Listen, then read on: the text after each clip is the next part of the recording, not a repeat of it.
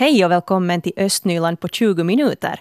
Podcasten med de bästa bitarna från den östnyländska morgonsändningen. Äger du en butik i Östnyland? Ja, då kan det löna sig att se till att ha brandsäkerheten i skick. Räddningsverket utför nämligen för första gången brandinspektioner inför jul i butiker runt omkring i Östnyland. De här butikerna väljs ut slumpmässigt och besöks nu i månadsskiftet november-december. Och enligt brandinspektör Patrik Frank på Östra Nylands räddningsverk så finns det flera orsaker till att butikerna inspekteras just inför julhandeln. Det är just för att julmarknaden så i butiker så har man sen mycket tillfällig utrustning. Produkter kan vara på ställen de borde inte finnas och sen också kollar vi att allt är i skick också då när man har mer utrustning, man har säsongarbetare och så att verksamheten är sen också likadan på julmarknaden som på resten av tiden på året. Vill du berätta hur en inspektion går till? Inspektionens idé är bland annat förebyggande av olyckor, så vi går igenom att räddningslagen uppfylls i det där stället. Vi kollar räddningsplanen är i skick. Vi kollar utrymningsvägarna i skick. Det finns inte tavara som inte hör dit. Vi kollar att släckningsutrustningen är i skick och också att personalen kan använda den här släckningsutrustningen som de har där på sin fastighet. Hur säkra skulle du säga att butikerna är inför julen? Med min erfarenhet är de ganska säkra nog att försäljarna vill nog ha butiker som är trygga för allmänheten och människor att komma. Att det skulle vara så liten risk för olyckor som möjligt. Hur är det störst risk att en brand bryter mm. ut i butikerna? Speciellt då inför jul. Ja, no, det kan just vara att man har då använt elutrustning fel, installerat dem fel eller sen helt vandalism som orsakar olyckor.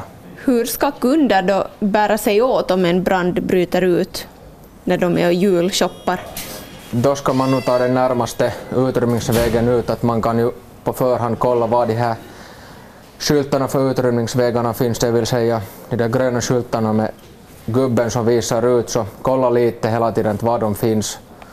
Och sen när det kommer, om det kommer order att man ska ut från den här butiken, så sen från närmaste utrymningsvägen bara snabbt ut. Brandinspektör Patrik Frank på Östra Nylands räddningsverk var det där.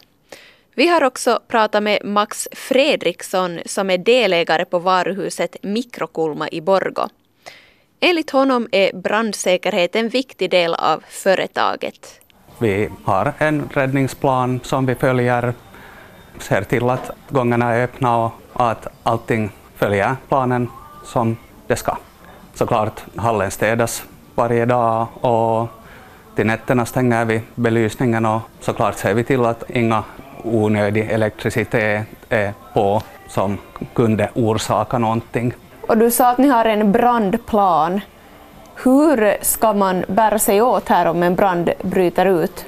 Hela personalen har bekantat sig med vår brandplan och om en brand skulle bryta ut så gamla och nya hallen kommer en brandvägg ner och såklart brandalarmen börjar att skjuta och personalen öppnar branddörrarna och leder kunderna till säkerhet. Var finns branddörrarna? Branddörrar finns faktiskt ganska många. Här i bakhallen som vi nu står så har vi tre stycken utgångar faktiskt och i framhallen fem utgångar så ingen blir i knipan här. Och det konstaterar här Max Fredriksson som är delägare på varuhuset Mikrokulma i Borgo. Och det var Hedvig Sandell som var reporter.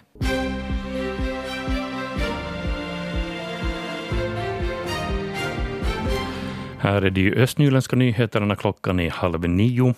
Jag heter Leo Gammals och önskar en god morgon. Ska verksamheten vid Forsby hälsogård flytta till huvudhälsostationen i Lovisa eller inte? Det ska Stadsstyrelsen i Lovisa ta ställning till vid sitt möte ikväll. Grundtrygghetsnämndens förslag har varit att hälsogården inte flyttas. Stadsstyrelsen har tidigare både bordlagt ärendet och senare beslutat att föreslå stadsfullmäktige att centralen flyttas. Fullmäktige beslöt däremot att remittera ärendet till ny beredning.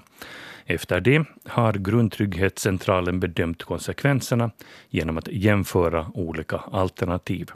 Och ikväll är alltså ärendet uppe till behandling i stadsstyrelsen i Lovisa för tredje gången.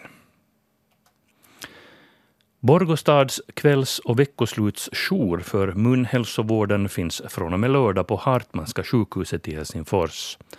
Ansvaret för jouren övergår till Helsingfors och Nylands sjukvårdsdistrikt från Terveys talo. Kvälls och veckoslutsjouren är avsedd för patienter som behöver akut vård. Hur brådskande vårdbehovet är bedöms per telefon. Situationer där akutvård är nödvändig är till exempel svår svärta, smärta i munnen eller tänderna samt skador på grund av olyckor. Tandkliniken i Nese i Borgo ansvarar även i fortsättningen för den brådskande vården under tjänstetid. Det är fortfarande oklart om och vem som ska sköta Matkahuoltos tjänster i Nikby i Sibbo. Matkahuolto har för avsikt att fortsätta förhandlingar under denna vecka. Matkahuolto försökte få Sibbo kommun att åta sig att åtminstone ladda resekort, men kommunen tackade nej. Paket kan hämtas från automaten i Söderkulla, men närmaste bemannade servicepunkt är i Kärvo. Borgå museum ger nu i veckan ut boken Ville Wallgren och Grisevännen. Och illustrationerna till den här boken är gjorda av Borgåkonstnären, illustratören och serietecknaren Filippa Hella. Och hennes illustrationer finns också nu under julen utställda i Holmska gården. Och Filippas syster Margareta Jembäck har skrivit texten till den här nya boken. Och jag har nu både Filippa och Margareta här i studion. God morgon och välkomna. God morgon. God morgon. Hur har det känts att vara med och jobba med det här projektet om vi börjar med Filippa? Det har nog varit ett givande projekt att, att göra liksom en djupdykning i, i Willes konst och liv och samtidigt fundera att hur man kan föra fram liksom hans känslighet som, som finns i hans konst, för mycket av hans konstverk speglar våra känslor och, och det där och hitta ett sätt att uttrycka det sen i bild. Så, så det har varit jättegivande. Och också att fundera att, att hurdan färgvärld det liksom återges i. Mm. Hur har du, Margareta, upplevt den här textdelen? No, det har också varit ett spännande och givande projekt och som är en viktig källa hur alla de här Willes egna böcker. Men att sen, sen få det till en, en berättelse. Och han, och han är ju det här berättar jag i, i boken. Och, och den här grisevännen är ju den här lyssnaren. Så att, att som det här berättelsen liksom Ja, jag tänkte just fråga, att vad, vad, vad är grisevännen? Ja, ja. Och, och, samtidigt är det ju speciellt den här boken för att det också, om man tänker på Borgå museums böcker, så är det, det är den första museipedagogiska. Och sen också tänkt som en, en, bok för, för alla åldrar, att ungefär från, från förskoleåldern uppåt. Ja. Så att det är inte, inte en, enbart en barnbok, utan det är nog för alla åldrar. Då kan du ge något exempel på någon berättelse som ingår här?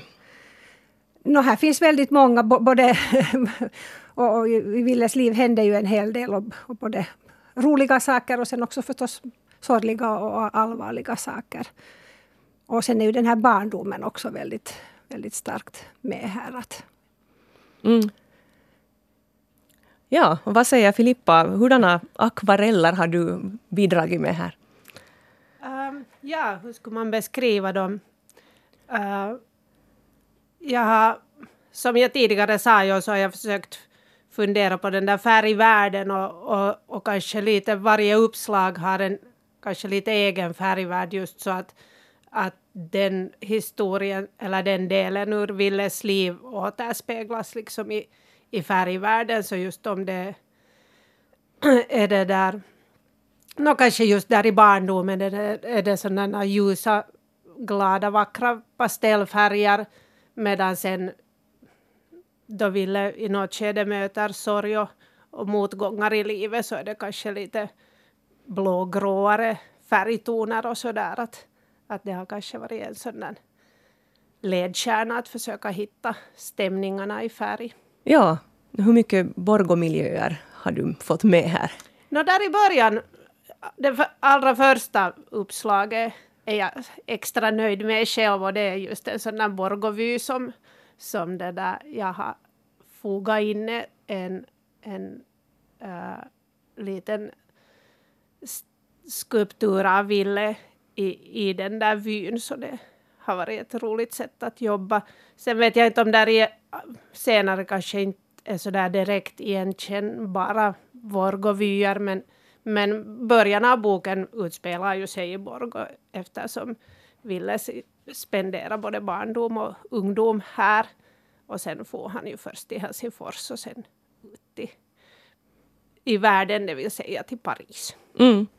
Hur mycket har du, Margareta, lärt dig nya grejer om Ville medan du har jobbat med, med texten? No, nu har det varit en hel del och man har ju också kanske velat fördjupa sig. Allt har ju inte kunnat sen användas rakt i boken men man har velat liksom, och jag har ju också besökt arkiv i Helsingfors och så här. Så att, och sen museets eget arkivmaterial så har jag ju nog gått igenom precis allt. Så att det har nog varit, varit spännande på det sättet. Och sen förstås att begränsa det här och man har ju måste förkorta den här texten hela tiden. Att det är ju också en sån här process när man skriver.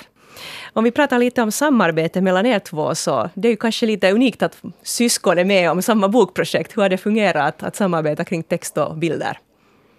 Det har nog fungerat bra skulle jag säga. Att inte, inte har vi stött på några stora problem. Inte. Och, och vi annars också rings dagligen. Mm. Så, så det där, där vid sidan om så brukar vi alltid när det behövs diskutera lite Ville och, och, och det här bokprojektet. Så, så det har nog liksom blivit en del av vår vardag ja. här under projektets gång. Och såklart sen så, så har vi ju nog också träffats och diskuterat både texter och bilder tillsammans. Så att det har varit nog ett sådant ganska kanske intensivt samarbete. Mm, ja, det, det har ju gått i perioder, men vissa perioder har varit mm. jätteintensiva. Mm. Och vi har ju inte blivit i gräl. Nej, nej. det, har vi, det, det, är inte så, det är inte så där att nu tar jag bort den här bilden nej, eller nu tar jag bort den här textraden och så, så blir man oense. nej, utan mer vi kanske kunna uppmuntra varandra. Så. Ja. ja.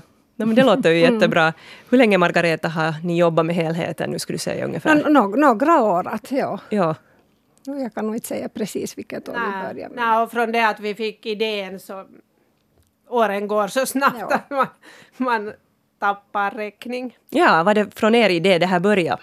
Det är helt vår egen idé och det ja. har liksom känts naturligt just att det just skulle, skulle vara fråga om Ville Wallgren. Att det, Ja, okej. Okay. Och du, du jobbar på Borgå museum i övrigt, Margareta, och du är konsthistoriker. Hur, hur kär är Ville Wallgren no, för dig? Han är nog väldigt kär och jag jobbar ju väldigt mycket med, med barn och, och, just det där att, att att via honom och hans skulpturer, eftersom hans skulpturer egentligen berättar om, om hela livet och där finns liksom glädje och sorg och, och liksom alla, möjligt, alla möjliga känslor. Jag tycker att det har varit eller att, att se liksom hur barn, barn får ta del av, av det här. Och på det sättet har ju också Ville Wallgren varit, varit unik för sin tid och som skulptör. Mm. Med det här. Ni kommer kanske ihåg att Ånäshallen i Borgå stängde i maj förra året. Och det betydde ju då att kampsportarna i Borgå flyttade ut. De hade länge haft problem med inneluften där i lokalerna och dåligt på annat sätt, gammalt och slitet. Och nu har då alla föreningar hittat nya lokaler, men hur mår egentligen föreningarna efter den här flytten? Det har vår reporter Rebecka Svedberg tagit reda på. Hon besökte tre föreningar för att få veta mer. Och först ut är Brottarna i Borgå. De tränar under de nya studentbostäderna på Borgmästargatan 14. Och så här berättar Hans Sällström om flytten. No, det är som en lottovinst för oss. Det, det är ljust här, det är inte skrämmande så som där på Ånäs så det var ju, ja, det var för barn var det ju säkert ganska skräckväckande att, att komma dit, åtminstone på en mörk vinterkväll, eller då att vänta där på parkeringsplatsen att kommer någon och söka. Ja, du berättade också att det här med, med hygien är, är lite bättre här. No jo, på det sättet att här, här, här, här kanske är det lite kivogare att gå i duschen. Att det inte är iskallt golv som, som, som när man först har frysit där i en och en halv timme på träningar och sen ska man ännu gå och frysa till till duschen. Så ja, att på det sättet att här kanske det är flera som går i duschen. Så det finns då ingen orsak att sakna Ånäshallen? Nej, aldrig. Nej, nej, inte. Hur, hur är det annars för, för brottningen i Borgå? Hur mår den? Nu har vi, vi har nog en 20-tal på sådana rikiminsta träningar och sen en 5-10 som då tävlar. Ja, det här är ju billig hobby. Det är 50 euro per termin. det finns inte så billiga hobbyn i Borgå. Ja, det finns ju i, i Borgå en, en hel del kampsporter. För vem passar brottning? Ja, för barn med ADHD. alltså för här, här, får man faktiskt då, man får liksom släppa ut allt. Första åren så går det här ut på lek. Och, och kroppkontroll och, och jumpa och sånt här och sen lite brottning och sen när man är lite mera med så blir det sen då mera det där brottningen. Där i Ånäshallen så var det ju en, en hel del kampsporter som var där under samma tak. Hade ni någon kontakt då med dem och hur är det idag då i så fall? No, no, inte, inte någon egentlig, för de har alla, alla ändå lite olika. Så det fanns ingen fördel att ni var där under samma tak då och inte det nu? Nej, inte alltså nackdelar för då hamnar man ju och delar på utrymme mera och, och just dela på omklädningsrum och, och, och sånt här. Att här får vi ju vara riktigt i fred nu. Det sa Hans Sällström. Jag besökte också thaiboxarna som nu har sin träningslokal i idrottshallens källare. När jag steg in var salen fullsatt och uppvärmningen inför träningen var i full gång. Där träffade jag Nicolina Blomander, Alina Johansson och Jonathan Holmström som alla har börjat thaiboxa för bara ungefär en månad sedan. När jag pratade med dem så var det dags att hoppa hopprep. Hur har det varit hittills? Roligt och tungt på ett bra sätt. Uh, jag tycker att jag har alltid tyckt om kampsport och liknande. Jag har alltid tyckt om att testa på att det här var liksom en ny sport för mig också. Så att jätteroligt att liksom se olika grenar. Vad tycker du om den här lokalen som är här? No, den skulle kunna vara lite större för de här grupperna är ganska stora. Så man ryms inte, okej okay, man ryms men inte så hemskt bra. Den är ju ganska så färggrann och pyntar. Ja, det, det är jättefint och det är kiva att träna här. Det är, så, det är fina väggar och det är bra, bra, bra vad heter det nu, ljus och allt sånt. Vad tycker ni flickor? No, alltså samma sak och sen de här redskapen är liksom så här fina eller hur man ska säga det. Att... Ja, sen vad heter det nu, det här är liksom bilder från Borgå här på väggarna och sen är det liksom, det är inga tråkiga färger heller, det är liksom rött och blått och sen med liksom svart och vitt så det är roligt och sen är det dessutom en spegel i salen så man kan se att man gör man rätt eller liknande om man tränar på egen hand. Det är ju alltså då fullt hus idag. Hur är det med inomhusluften här? Blir det varmt och svettigt? Ja, att varmt blir det nog och det är nog skönt med vatten för det. Och det sa Jonathan Holmström. Vår morgonreporter idag, Fredrika Sundén, träffade här för en knapp månad sedan Borgosyskonen Karin och Gustav Antell. Det här i samband med vår Näsdals-stream. Och de visade då upp en svängig cha-cha för våra tittare där på webben. Och de har dansat rullstolsdans ihop i drygt tio år och de höll på att förbereda sig för VM i rullstolsdans då när du hälsade på Fredrika. Hur har det gått för dem nu i VMs sammanhang? Ja, det har varit nu här under veckoslutet tävlingar där i Bonn. Och uh, nu så gick det ganska bra. Uh, åtminstone verkar de själva vara nöjda uh, den här gången. Uh, på fredag så tävlade de i Duo 1 latin, heter den här klassen då, och där blev de sjunde, medan dubbelsegern gick till Ryssland i den, den klassen där. Och sen skriver Karin här också åt mig att på lördag hade de ledig dag och han besöker julmarknaden i Bonn. Och det låter jättetrevligt. Dem så han lite vila upp sig inför söndag, alltså gårdagen. För då var det dags för Duo 1 standard och där gick dubbelsegern till Ukraina. Medan eh, Karin och Gustav landade på sjätte plats där själva. Eh, hon skriver också här att de lyckades inte besegra Ungern, vilket de hade hoppats på, men de är ändå nöjda med resultatet och resan blev en oförglömlig upplevelse. Så att eh, det var, verkar ju ha varit ett lyckat VM där för Karin och Gustav Antell. Ja.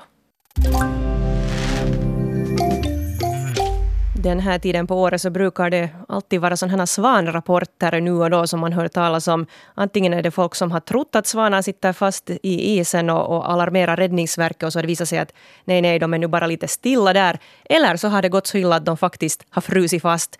I Lovisa var Räddningsverket igång under veckoslutet, Fredrika. Ja, det blev ju ganska snabbt minusgrader där. Det ösregnade ännu hela fredagen och, och sen gick det ganska snabbt neråt den här temperaturen där och, och det ledde då till att eh, några svanar frös fast där i Lovisa utanför Sågudden. Och tidningen Lovisan Sanomat skriver om att Räddningsverket då var på plats där med, med hydrokopter och, och rädda de här svanarna. Totalt åtta personer ingick i det här räddningsmanskapet. Det var dels då Räddningsverket där det Lovisa sen också Valkom FBK som, som tog emot det här uppdraget. Och Lovisan Sanomat har faktiskt tagit ganska fina bilder och också en video eh, där från den här svanräddningen som man kan kolla in det där på lovisansanomat.fi. Östnyland på 20 minuter är en Svenska Yle-podcast. Det finns flera poddar på arenan. Jag heter Katarina Lind. Tack så mycket för sällskapet. Vi hörs.